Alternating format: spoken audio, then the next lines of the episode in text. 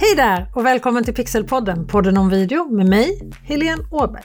Och varmt välkommen till dig Linda Björk, LinkedIn-expert. För visst får man kalla dig så? Du är ju till och med en LinkedIn-expert enligt LinkedIn själva.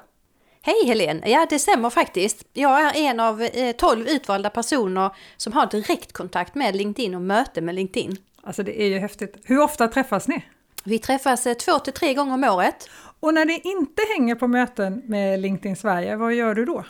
Ja, då hänger jag mest på LinkedIn, ska jag säga. Jag lägger ju ganska mycket tid, eh, eller ja, ganska, det finns ju de som lägger mer tid, men jag är ganska mycket på LinkedIn och publicerar inlägg och så. Men du håller kurser och utbildningar och föreläsningar? Ja, det är ju det jag gör mest givetvis. Så, så jag hänger på LinkedIn en del och sen eh, det jag lever på om man ska säga så, det är ju eh, utbildningar i LinkedIn och eh, föreläsningar och jobbar både med öppna utbildningar och internt på företag väldigt, väldigt mycket. Mm. Och det är fantastiskt roligt. Men sen har du också en podd tillsammans med Thomas Tränkner. Mm. Det stämmer, LinkedInpodden.se och eh, vi släpper två avsnitt i veckan faktiskt. Det är ambitiöst. Mm. Det finns ja. väldigt mycket LinkedIn-tips på LinkedIn-podden, så den tycker jag att du ska lyssna på, verkligen. Och så är du ju dessutom, precis som jag, en av nya talarföreningen Talarnas experter. Så du lever verkligen upp till den här titeln expert. Ja. ja. Och visst var det roligt att få, få för du blir ju säkert som jag tillfrågad att få med här mm. i, i eh, talarnas, den här nya talarförmedlingen då. Så det är jättespännande, verkligen, att få en expert där bland alla de här talarna och det är ju fantastiska talare. Ja, det är verkligen stjärnor, svenska talarstjärnor. Mm. Men du Linda, mm. jag har en känsla av att för de allra, allra flesta när jag säger sociala medier så tänker de på Facebook, Instagram, Twitter Twitter, kanske TikTok. Men inte jättemånga tänker på LinkedIn. Varför ska jag finnas på LinkedIn? Alltså till första hand så måste man ju ta reda på vem som är sin målgrupp. Om vi nu utgår från företag då, så är det ju att titta på vem är min målgrupp? Eh, tittar vi på vissa privatpersoner så är det många som bara går in där vilket, eh, när man söker ett jobb, vilket är ju lite synd. För att då, liksom, då börjar du från noll varje gång, men om man är aktiv hela tiden i, sin egen eh, bestämda takt, ska jag säga, utan att någon blir stressad, så har du hela, gång, hela tiden igång ditt nätverk, du kommunicerar, folk vet vem du är och när du väl söker ett jobb så, så finns du liksom där. Och som företagare så ska du ju om du jobbar B2B så ska du definitivt vara på LinkedIn. Men det börjar ju faktiskt bli en hel del B2C-företag också. Mm. Men vad är det för typ av innehåll som funkar bäst på LinkedIn då? Det man pratar om det är ju innehåll som är av intresse och värde, alltså det som är intressant och utvecklande för mig. Och där faktiskt eh, släppte LinkedIn lite siffror att 56% eh, engagerar sig i innehåll som är relevant och eh, något lägre i innehåll som är utbildande. Och det är ju jättehöga siffror. Mm. Så det är det vi verkligen måste publicera på LinkedIn också, att, att det är någonting av värde för, inte för dig, utan för de som följer dig. Så att vi måste tänka på följarna eller, eller kontakterna då. Men om du skulle ge mig fem idéer på inlägg som man skulle kunna göra, som du har haft framgång med? Eh, det har ju varit allt ifrån eh, bilder och texter och de olika formaten, så där, där tycker jag man får testa sig fram.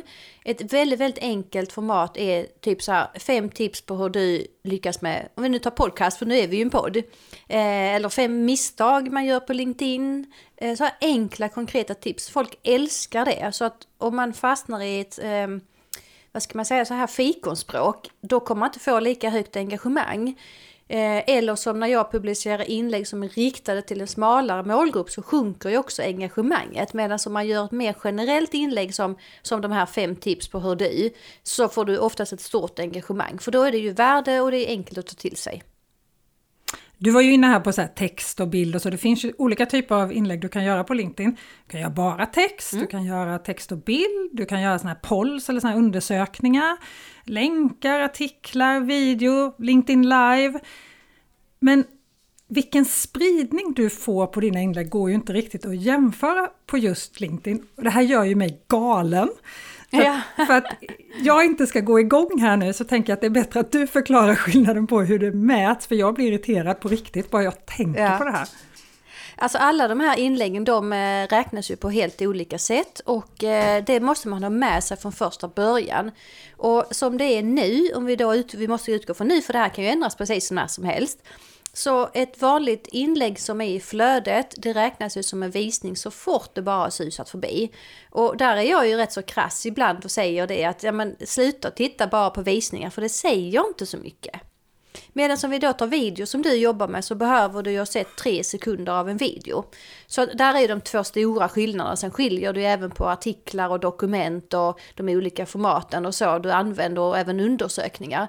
Men, men de här två är de stora skillnaderna som jag förstår att du, du går i taket på. För att det innebär att du kan ju alltså inte jämföra de här rakt av. Nej, och sen är det väldigt många som tror så här, det funkar inte att göra video på på LinkedIn för att kolla här, ett textinlägg ses av eh, 3000 personer men min video ses av 2000. Ja, fast mm. det här är ju 2000 som faktiskt har tittat på tre sekunder av din video. Mm. Och kanske till och med mer, eller förhoppningsvis mer, för det ser man ju i statistiken där på videon. Men, men på textinlägg så ser du ju inte att personen har läst textinlägget, så där är ju också en skillnad. Så, så jag brukar säga, för jag får ju ofta fråga så, ska jag publicera video, bilder, texter eller vad, vad det nu skulle vara? Och om jag tar dig som exempel Helene, så du jobbar ju med video och är ju superduktig på det. Om inte du hade producerat och publicerat videos så hade det ju blivit tokigt. Ja. För, för, för du, du vill ju visa att du jobbar med video. Så hade du liksom bara, nej men nu ska jag publicera texter istället. Jag är jättebra på video. Men, men jag, jag struntar i det så jag publicerar texter. Det blir ju inte bra. Nej. nej. Och det är ju det, alltså, för det är väldigt många som säger så här, men man kan inte göra video för att du sänker ditt varumärke om du inte kan göra video. Och jag tror ju inte riktigt på det där, för att jag gör ju textinlägg. Jag är ingen fullfjädrad copywriter, långt ifrån. Men jag sänker ju inte mitt varumärke för att jag gör en halvbra copy. Nej, det är klart, det kan väl alltid bli bättre, men, men så är det ju. Så vi kan, det kan väl bli egentligen allting, sen om det är video eller det är podd eller det är vad som helst. Men här brukar jag också säga att för, för vissa tänker så, gud du är så, du är så naturlig när du kör dina livesändningar eller du, du, du liksom får ut ditt budskap, du får så mycket engagemang. Men jag har ju inte börjat där. Nej. Och du börjar ju inte som videoproffs heller. Och den tycker jag är viktig att man har med sig att, att titta på de som är på liknande nivå och sen kan du levla upp för annars blir det skitjobbigt. Om man ska jämföra sig med alla andra som är asbra så blir det bara jättejobbigt. Alla måste ju börja någonstans. Jag måste fråga, för nu hör jag din hund. Vad heter hunden? Hunden heter eh, Chili. Vad är det för ras? Eh, det är en eh, dvärgpinscher och jag hörde också att han skällde här. Och jag brukar skoja att han är som ett litet monster. Men Söt! Alltså, om man jämför med andra plattformar så får man ju, man kan få statistik på sina inlägg på LinkedIn, men man får ju inte supermycket statistik. Du kan inte se så här, ja men på sekund 52, där tappade jag mina tittare i videon och så här. Men de har ju steppat upp lite och Senior Director of Product Management, som det så fint heter på LinkedIn, Pete Davis säger att video är det som får människor att kommunicera mest. Mm. Och han, borde, alltså han har ju, måste ju ha tillgång till annan statistik än den som du och jag kan hitta. Vad tänker du kring det? Så det jag ser också är ju att du får ett, ett annat, en annan form av engagemang. Nu brukar jag visserligen få engagemang i, i alla mina inlägg oavsett om det är bild eller text eller så. För att jag, jag vill ju kommunicera med de som är i mitt nätverk. Sen är det klart att video gör ju ganska stor skillnad och framförallt live-video. Eh, och, och, där finns ju också siffror att, att eh, engagemanget ökar ju väldigt, väldigt mycket när du kör en live-video. Det är väldigt stor skillnad. Och sen är det ju så att, att, statistiken har ju faktiskt blivit bättre, eller hur? Ja, ja. Alltså... Jag vet att du har ju klagat på det här innan och, och det är väl bara någon månad sedan som, som de släppte då videostatistiken. Ja, överhuvudtaget innan hade vi ingen alls. Och sen är det ju ännu bättre på företagssidan, så den, den ska man ju inte glömma, utan du har ju ännu bättre statistik på företagssidan och det har du ju alltid. Det är den där företagssidan, det är mitt stora dåliga ja. samvete på LinkedIn. Alltså det, ja. Men en sak som jag tänker på med just det här engagemanget kring videoinlägg på LinkedIn. Det här har jag ingen statistik på. Men när jag lägger ut text och bild, ofta, det är väldigt sällan jag lägger ut bara text, det har hänt. Jag får oftast inte jättemycket engagemang när jag gör det. Men jag gör det å andra sidan ganska sällan, så min målgrupp är inte van vid det, tänker jag. Och jag tänker också att jag kanske inte är den där fullfjädrade copyn så att jag inte skriver tillräckligt bra inlägg när jag gör bara text. Text och bild gör jag ju såklart ganska ofta, och video då. Men det som jag märker är den stora skillnaden mellan de här typerna eller de här formaten, det är att jag kan få lika mycket kommentarer på båda, men jag får fler kommentarer från folk som inte ingår i mitt nätverk på mina videoinlägg än vad jag får på mina text och bildinlägg. Det är ju en jättespännande reflektion och, och, det är ju faktiskt viktigt att titta på det här i statistiken och där, där ser jag ibland att man bara tittar igen på det här som vi är inne på med visningar, att det, att det är det man tittar på. Istället för att faktiskt titta på, okay, vem är det som har engagerat sig?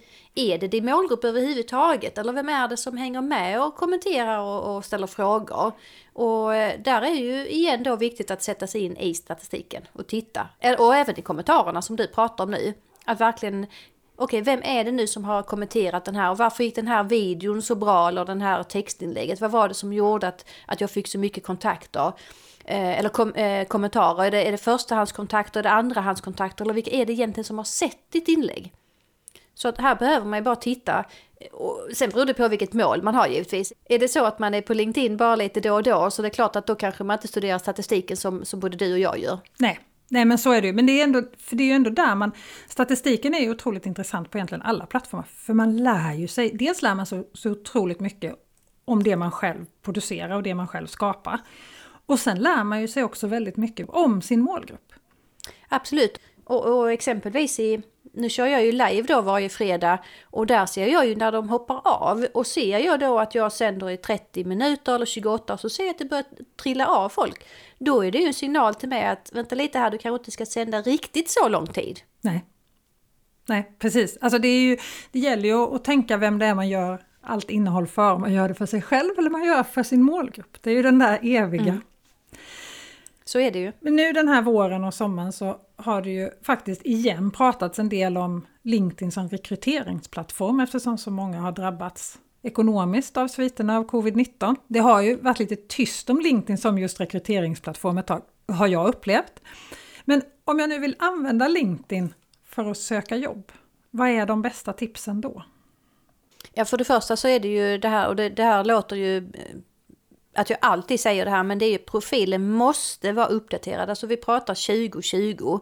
Eh, och profilen är jätteviktig. Du måste ha arbetat igenom hela profilen. Allt uppifrån bilder till rubriker till innehåll och sammanfattning. Alltså allting uppifrån och ner. Så att du blir trovärdig. För det är ju så att rekryterare kikar ju på din profil. De, de skapar ju sig en bild utifrån det de ser. Och det är faktiskt eh, rekryterare som har berättat för mig också att de tittar på dina aktiviteter, de tittar på hur stort nätverk du har. Så de skapar ju sig en bild utifrån det du gör och det du berättar på LinkedIn helt enkelt. Så det är ju superviktigt. Det är det första. Sen gäller det att bli lite mer aktiv och där hade jag ju en, en enkel utmaning här innan sommaren som heter synlighetsutmaningen. Att bestämma sig för att gå in varje dag och göra fyra enkla saker. Att du kommenterar, du likar, eh, du kan posta ett eget inlägg om du vill eh, och att du skapar kontakt med någon. Så att ganska enkla saker för att få igång eh, sin egen aktivitet. Och det är också flera som har återkommit till mig och sagt Gud vilken bra utmaning det här var. Jag såg en effekt bara efter en vecka och tänk dig vad som händer om du fortsätter den här vecka ut och vecka in. Och här pratar vi saker som tar kanske eh, ja, max fem minuter. Mm. Och det borde ju alla ha tid med. Mm. Jag tänker på video här när du söker jobb, för jag tänker att video är ju ett, ett medium där man får väldigt lätt förtroende. Du lär känna, de som tittar på videon lär känna dig. Jag tänker att det måste ju gå att använda video ganska mycket på LinkedIn när man söker jobb. Ja det gör det också. Och det finns ju en hel del som gör ju typ så video-CV och då får man ju helt enkelt eh, vara ganska kort där som du känner till också det här med video ju. Och få fram ett tydligt budskap. Och jag tänker också att det kan vara bra att man är hyfsad van att stå vid kameran eller framför kameran i alla fall. Så att man inte är helt liksom livrädd för att stå framför kameran så att då sänder det ju fel signal. Ja men precis. Men är det så att du är ovan att vara framför kameran så har jag faktiskt ett helt avsnitt här på Pixelpodden, en podd om video, som heter just regissera och agera framför kameran. Det är avsnitt 12 som du kan lyssna på. Men för att komma tillbaka till det här med att söka jobb. Jag upplever ju LinkedIn som en väldigt generös plattform där man verkligen hjälper varandra och att det är verkligen givers gain. Att man får mycket tillbaka när man ger mycket. Och då tänker jag så här att om man börjar göra video inom det området där man kan mycket och ger mycket värde. Skulle inte det vara ganska bra om man söker jobb eller är jag helt ute och cyklar nu? Nej, det tror jag skulle funka alldeles utmärkt. För det handlar ju igen att, att eh, bjuda på sin kunskap. För det vet vi att det funkar och give givers gain som du var inne på. Och det ger ju också eh, ett förtroende och det skapar också engagemang i själva inläggen. Och engagemangen i inläggen är ju otroligt viktigt för det gör ju att du får större synlighet. Så, så visst kan du göra det, det är jättebra. Så att, att bjuda på sin kunskap är klockrent och sen om du gör det i video eller text eller bild eller eh, sådana undersökningar, det spelar mindre roll. Men när du bjuder på kunskapen så, så vet vi att du får ett mycket, mycket större engagemang i eh, dina inlägg. På Instagram är det ju vanligt att man följer vissa hashtags. Jag följer till exempel sociala medier, egenföretagare, videomarketing, kommunicera med video, ja, med massa olika. Och på Facebook är hashtag helt dött. Där händer det ju ingenting med hashtags. Hur ser det ut på LinkedIn med hashtags? Mm, och det är en jättespännande fråga och eh, det är faktiskt så att LinkedIn uppmuntrar inlägg med hashtags. Så att definitivt så ska man använda hashtags och eh, där rekommenderar LinkedIn två till tre hashtags per inlägg. Vi pratar alltså inte Instagram då som man ska ha 10 eller 15 hashtags. 30, ja det är helt otroligt, det lyckas jag aldrig komma upp i. Gör du nej, det? Nej, nej, nej. Nej, Nej, jag är glad om jag kommer upp i 10 men jag vet ju att man ska ju haka på andras hashtag och, och lite sådär. Men på LinkedIn då i alla fall så är det ju två till tre hashtags och då bör man ju ha, givetvis kopplade till ämnet och sen också bör man ju ha en hashtag som har följare. Så själv använder jag ju alltid LinkedIn och sen har jag skapat en egen som heter Linda tipsar, det är ju jätteenkelt. Eh, och det tar ju tid att bygga upp den här. Det är samma om du använder ditt eh, företagsnamn eller du skulle använda Pixelpodden. Så har du noll följare från början och då måste man ju liksom få igång detta. Och därför är det viktigt att du kombinerar hashtag någon som har många följare och någon som är kanske mer eh, lite smalare eller man ska säga. Så LinkedIn är ju jättestort. Så man skulle exempelvis kunna använda eh, LinkedIn marketing till exempel som genast smalnar av eller, eller rekrytering eller någonting sånt. För då smalnar ju av eh, vem som följer den. Och målgruppen blir ju också lite annorlunda. Så här, man kan ju tänka lite strategiskt om man vill. Förutom Linda tipsar då, har du något annat bra tips på intressanta hashtags att följa?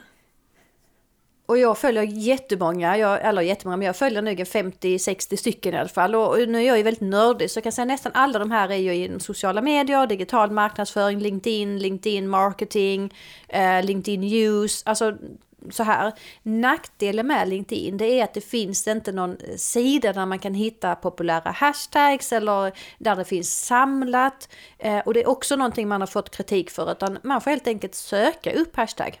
Eller får man klicka på en som man ser i flödet och sen får man då börja följa dem där. Alltså jag tycker väldigt bra om LinkedIn samtidigt för det har, gjort, det har hjälpt mig så otroligt mycket i mitt företagande och lära känna min målgrupp och nå ut till min målgrupp. Och jag har fått så otroligt mycket hjälp och stöd och jobb genom LinkedIn. Så att jag är otroligt tacksam till LinkedIn. Samtidigt som jag ibland känns som att det är så här, det är så träigt ibland och det, är så det tar lång tid och de är liksom och så jämför man väl dem med andra sociala medier och vi vill ju inte att LinkedIn ska vara som Instagram. Det är ju därför vi är på LinkedIn också. Liksom. Ja, och det är ju så. Och sen tycker jag ändå om man tittar tillbaka här nu, eh, mm, vad ska man säga, i alla fall två år så har det ju hänt jättemycket på LinkedIn. Alltså det har ju utvecklats mycket, men sen det tar ju lite tid, det gör det ju. Men bara det här med att du kan skapa evenemang, du har livesändningar och det här som snart kommer till Sverige, där man pratar nu om, om oktober och november, kommer ju stories till LinkedIn. Åh vad jag ser fram emot alltså här det! börjar vi ju, ja, och här ser vi ju direkt att man, och undersökningar också då som är ju lite hämtat ifrån Instagram stories. Så, så det är klart att de tittar ju på andra. Och det som händer med de här enklare formaten det är att, att de attraherar ju en yngre målgrupp. Alla de som är vana vid att använda stories, hux flux så kan de ju vara på LinkedIn på ett helt annat sätt. Mm. Än vad de är än idag kanske där man har eh, ett eh, annat eh, krav eller man tror att det är ett krav på att innehållet ska vara så jäkla bra i allting man gör. Du nämnde ju LinkedIn Live här. Och det är ju bara för vissa utvalda. Eller ja, du ansöker och LinkedIn ger dig tillstånd och avslår eller godtar din ansökan. Själv tror jag jag sökte tre eller fyra gånger innan jag fick ett ja i somras. Men jag har inte sänt den när vi spelar in det här, förutom att jag då var gäst hos dig. Och, och det är ju så att eh, LinkedIn Live får man ju ansöka till. Och det tog faktiskt också mig fyra ansökningar innan jag fick gå igenom, trots att jag sitter med den här gruppen. För vissa tror att man har någon genväg eller man glider fram där liksom, men det gör man inte. Eh, utan vi har bara ett utbyte ska jag säga då. Men eh, det är ju så att du behöver ansöka om LinkedIn Live och du måste bifoga video på dina andra livesändningar. Så, så LinkedIn vill ju se att du är duktig, att du vet vad du pratar om och att du är van att stå framför kameran. Och det är ett sätt som de kvalitetssäkrar, eller man nu ska säga då. Eh, och nu vet jag att det är också jättelång kö för att eh, det är väldigt många som vill börja sända live. För det är ju stort engagemang. Mm. Men, men jag märker att man släpper ju på eh, lite då och då. Nu såg jag någon i veckan som var helt ny på LinkedIn live. Så det kommer upp så, nu testsänder jag liksom så. Eh, och de, de lyfter ju livesändningar väldigt bra. Och har ni inte fått live, alla ni som lyssnar nu, så testa börja med vanliga video och så sänd live på Facebook eller på Instagram så att ni får in vanan. Och stories givetvis, så att de glömmer vi bort, det går ju så himla fort. Så ni måste testa med video och bifoga detta. Men du har ju sänt en hel del live nu, dels hos dig själv, Dels har du gjort det tillsammans med Thomas Tränkner, dels har du gjort det tillsammans med Therese Eriksson. Vad är dina erfarenheter, fördelar och nackdelar med att sända live på LinkedIn? Alltså om jag bara måste få börja med en sak så tycker jag själv att det är fantastiskt roligt. Och det är ju viktigt att man tycker det är kul. Det ger mig energi och jag kan också ha en, en dialog med dem som är, alltså som är med och följer och kommenterar. Så, så sen är det tycker jag att man behöver en kontinuitet. Har du bestämt att du ska sända så sänder du. Och det är ju samma sak med podden. Du kan ju inte helt plötsligt ta, ja, när, när det pallar inte jag, nu struntar jag i det här. Under förutsättning att det inte har fått, eh, för min del att jag får ett uppdrag eller så, för att det, det måste ju alltid gå före givetvis. Så jag sänder ju varje fredag och har gäst med mig varannan fredag. Jag och Thomas sänder varannan måndag och jag och Therese vi sänder också varannan vecka så att man behöver få in det här som en rutin att, att eh, ditt nätverk och dina kontakter förstår att just det nu är det Linda igen. Och sen är det igen kunskap skulle jag säga då. Eh, att, att du igen behöver bjuda på din kunskap, att du står där och du vill ha ett engagemang, du vill höra, alltså det handlar om en dialog. Och att du då, när du, när du går live så är det bra att du vet vad det är du ska prata om, du kanske förberett några punkter. Jag, jag brukar faktiskt bara förbereda typ 4-5 punkter att utgå ifrån. Eh, och sen kör man om det och så pratar man om det och så får man då förhoppningsvis ett engagemang då. Mm. Och det är precis som när du poddar eller vloggar eller vad du gör, du måste ju veta vad du pratar om. Visst är det så att på LinkedIn måste du använda ett tredjepartsprogram. Du kan inte sända live på LinkedIn direkt på LinkedIn. Liksom. Helt rätt. Helt rätt. Så LinkedIn har ju gjort, vad ska jag säga, partnat upp sig med eh, ett antal leverantörer då. Eh, och StreamYard tycker jag är väldigt bra. Det är enkelt att använda med och det finns också en gratisversion. Och sen finns det ju väldigt mycket mer avancerade program där du kan köra flera kameror och, och så. Jag vet till exempel eh, PVC, de använder ju ett av de här lite större programmen. Men de har ju studio och så har de ju flera kameror och så. Och det blir ju jätteproffsigt. Snyggt. Mm. Ja, mitt favoritprogram där, ICAM, som bara funkar till Mac tyvärr, är ju inte med bland de här tredjepartsprogrammen. Men eh, StreamYard mm. är ett bra alternativ. Men hur hittar du mm. deltagare till de här livesändningarna på LinkedIn? Faktum är att som det är nu så är det så att LinkedIn premierar ju livesändningar väldigt, väldigt mycket. Så Helene, uppmaning till dig, sätt igång med dina livesändningar för att när du börjar sända live så går det ut en avisering Eh, bland dina aviseringar, inte till alla då, men till ganska eh, många. Plus att när, om du är inloggad på LinkedIn så kommer det till och med en liten ruta som poppar upp att nu sänder Linda live. Eh, det är ju jätteviktigt att ha med sig och den, den kommer ju då tyvärr att, att eh, justeras här. Ju fler som får tillgång till live desto mer kommer den ju att justeras för att det, annars blev vi ju igen översköljda med, med innehåll. Och för att få engagemanget så handlar det ju om att igen då att du behöver ställa frågor och du måste vara genuint intresserad av att ha en dialog. För att ställa frågor för frågors skull, det hjälper ju inte. Du, du måste svara, du måste våga lyfta upp dem i livesändningen och våga svara på dem. Jag pratar ju ofta om det, att jag tycker att det som är den stora, stora grejen med live, det är ju den här kommunikationen som du har med dina följare och ditt nätverk. Annars skulle du ju kunna ha en förinspelad video. Och så är det lite det här att det, det, är inte så himla perfekt. Och sen är det klart att jag menar ljudet ska ju vara bra, ljuset och allt det här som du är jätteduktig på. Det måste det vara. Men, men ibland blir det inte perfekt. det kanske kommer eh, en sol som tittar fram.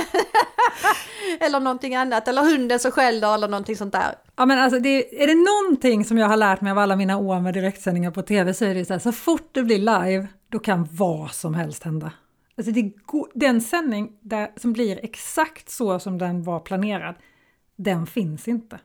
Jag har sagt det många gånger här i podden, men jag och mina kollegor på TV, vi är flera stycken som har sagt att den gången vi gör en direktsändning som har blivit, den behöver inte bli fel, det kanske till och med blir bättre än vad det var planerat från början. Men den gången det blir exakt, allt blir exakt så som det var tänkt på pappret, den gången ska vi sluta för det kommer vi aldrig kunna göra. Kommer vi aldrig kunna mm. göra igen. Eh, och så blir det ju inte. Och det är ju även om du har nu, som när du var med i min livesändning så hade jag ju förberett eh, ja, tre frågor tror jag det var. Och vi pratade ju om allt möjligt och fick jättemycket eh, frågor och kommentarer så att vi kunde ju inte ens ta de här tre frågorna. Och så är det ju. Vi pratade ju väldigt mycket om video på LinkedIn och att filma med mobilen och så. Visst brukar du lägga upp dina livesändningar som du har gjort på LinkedIn på Youtube också? Mm. Så, så alla mina livesändningar de sparar jag ner och det kan man göra då eh, om du har StreamYard Premium då, så det är, det är ju viktigt då.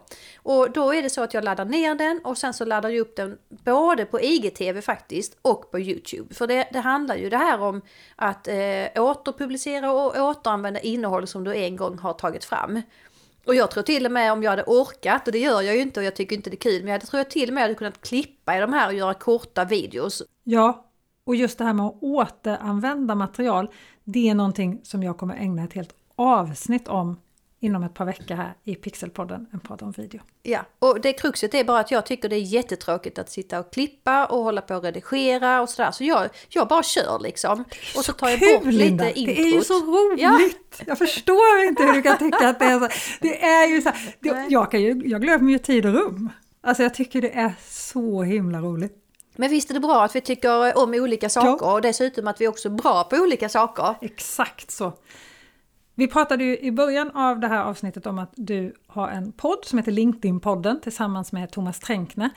Och ni hade ett så otroligt spännande avsnitt där i sommar som handlar om att omvandla likes till kunder.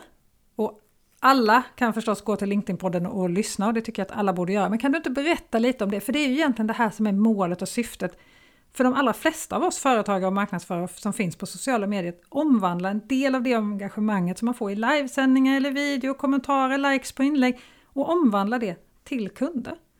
Mm, och det är ju jättespännande och någonting som faktiskt alla bör tänka på. För då är vi inne i lite det här, oh jag får mycket likes, det är jättebra, eller jag får mycket visningar, det är jättebra. Det är långt ifrån att det faktiskt blir en kund.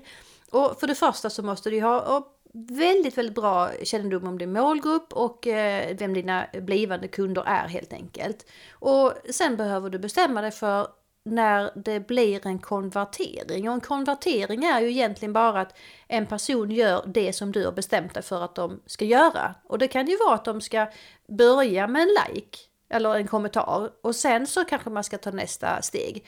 Du behöver ju veta vilka steg tar de här personerna för att det ska bli en kund. Alltså om det då är en blivande kund, vilka steg är det i deras köpresa för att det ska bli en kund? Och här behöver man ju mäta olika saker. Det kan ju vara allt från eh, du kan få förfrågningar givetvis på LinkedIn. Det kan vara att du får trafik till hemsidan. Det kan vara att eh, man har en landningssida och, som man kan mäta då till exempel i Google Analytics eller något sånt där. Så att här behöver vi titta på flera olika mätpunkter men du måste sätta dig in i köpresan för att se vilka steg är det som den här personen gör. Eh, och för guds skull, sälj aldrig direkt vad den gör utan det handlar om att skapa en dialog. Och sälja tidigt är det absolut värsta man kan göra på LinkedIn. Och det, jag hör det hela tiden och ser det hela tiden i, i, i mina meddelanden.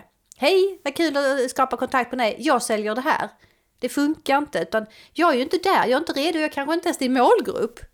När säljer du på LinkedIn då?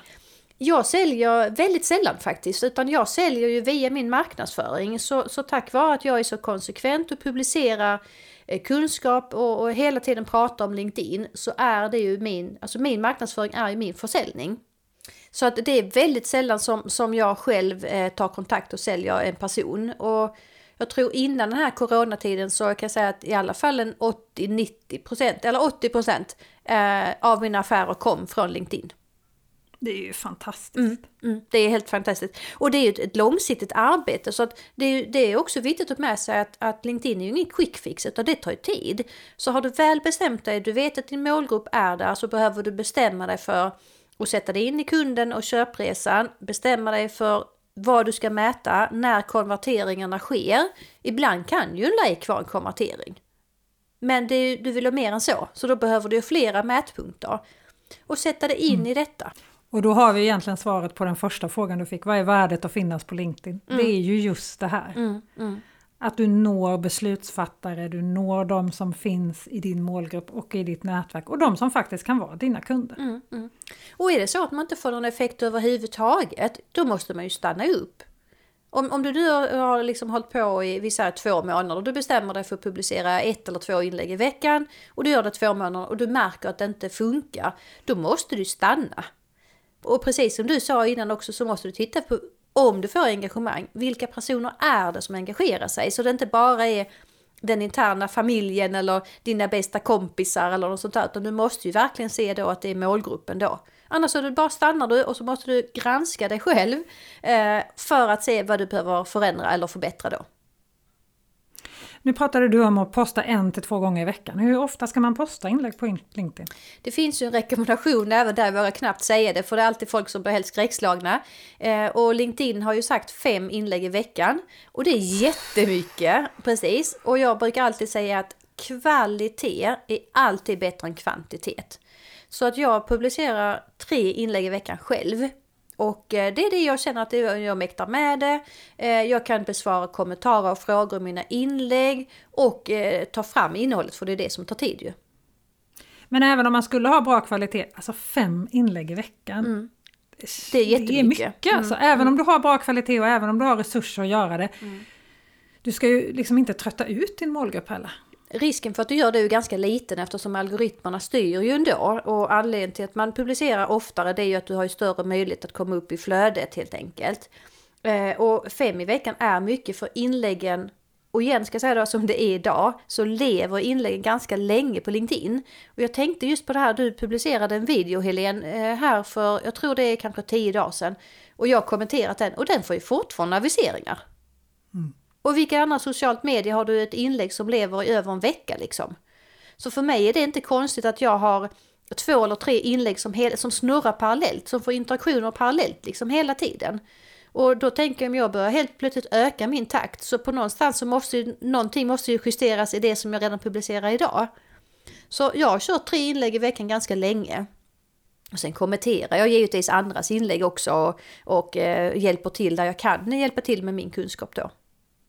Mm. Tack snälla Linda för att du ville bjuda på din kunskap här hos mm. oss i Pixelpodden, en podd om video. Om man vill connecta med dig på LinkedIn eller följa dina inlägg, var hittar man dig då? Mm. Jag heter Linda Björk med CK och eh, heter så i, i de flesta sociala medierna, både på Youtube och på Instagram och på LinkedIn. Mitt företag heter SmartBiz med två Z och där får man också gärna gå in och följa då på LinkedIn och på Facebook har jag den sidan där. Eh, och jag kan säga att jag publicerar varje vecka innehåll som är värdefullt så att jag lovar om du börjar följa mig så kommer du få väldigt mycket tips om LinkedIn. Jag kommer förstås lägga länkar till det här i webbsidan till det här avsnittet. Men finns du någon merstans? För visst är det väl så att du har en väldigt prisbelönt blogg också? Ja, det stämmer ju. Ibland glömmer jag faktiskt att berätta om det. Men det är så att min blogg har blivit utsedd till en av Sveriges bästa B2B-bloggar tre år i rad. Och det är ju helt fantastiskt. Och eh, på bloggen då, och den ligger på smartbiz.se, så finns det över 350 blogginlägg. Så jag har bloggat i ganska många år nu. Eh, man kan gå in och söka så hittar man svar på väldigt mycket. Handlar alla de här 350 inläggen om LinkedIn? Nej, inte riktigt, för när jag började med den här bloggen så då hade jag varannat avsnitt eller varannan eh, artikel var eh, digital marknadsföring och varannan var LinkedIn. Men sen två eller tre år tillbaka så kör jag tre LinkedIn och en digital marknadsföring eller strategisk marknadsföring då. Så mycket är om LinkedIn. Jag kan säga att jag har tittat på den där bloggen väldigt många gånger. Det finns otroligt mycket, och, mycket klokhet och visdom och mycket att lära där. Mm. Jag kan verkligen rekommendera alla som är intresserade av LinkedIn och dessutom lyssna på LinkedIn-podden. Korta avsnitt, så jag brukar lyssna på 5, 6, 7, 8 avsnitt i rad. Jag kan er vignett och er eh, väldigt, väldigt bra efter en sån session. Men det finns mycket bra inne, innehåll i den här podden. Verkligen, alltså ni gör ett grymt arbete. Tack snälla! Och då är det ju bra att vi släpper två i veckan om du betar av fem åt gången. ja men jag brukar få hoppa några, jag brukar få hoppa några veckor så här och sen så kör jag liksom ett, en mm. radda, in, eh, radda podd. Men jag gör alltid någonting när jag lyssnar på det. Jag står alltid och diskar eller ute och springer eller ute och går eller så här. Och då blir det ju att det är bra att ha flera på raken så mm. Jag håller med dig om, jag gör också det faktiskt. Det är jätte, jag älskar poddar och lyssnar på många poddar själv. Tack så jättemycket för att du ville vara med. Och om du som lyssnar tycker att det här var bra, vilket jag förstås hoppas att du tycker, så snälla, snälla gå till iTunes podcast-appen och ge en recension. Fem stjärnor ger bra karma, det är jag övertygad om. Och skriv gärna några rader om du tycker om podden, jag skulle verkligen bli jätteglad. Och nästa vecka kommer det handla om redigering här i Pixelpodden, en podd om video. Ha det så bra till dess så hörs vi. Hej då Linda och stort tack för att du ville vara med. Tack och hej! Hej då allihop! Thank you.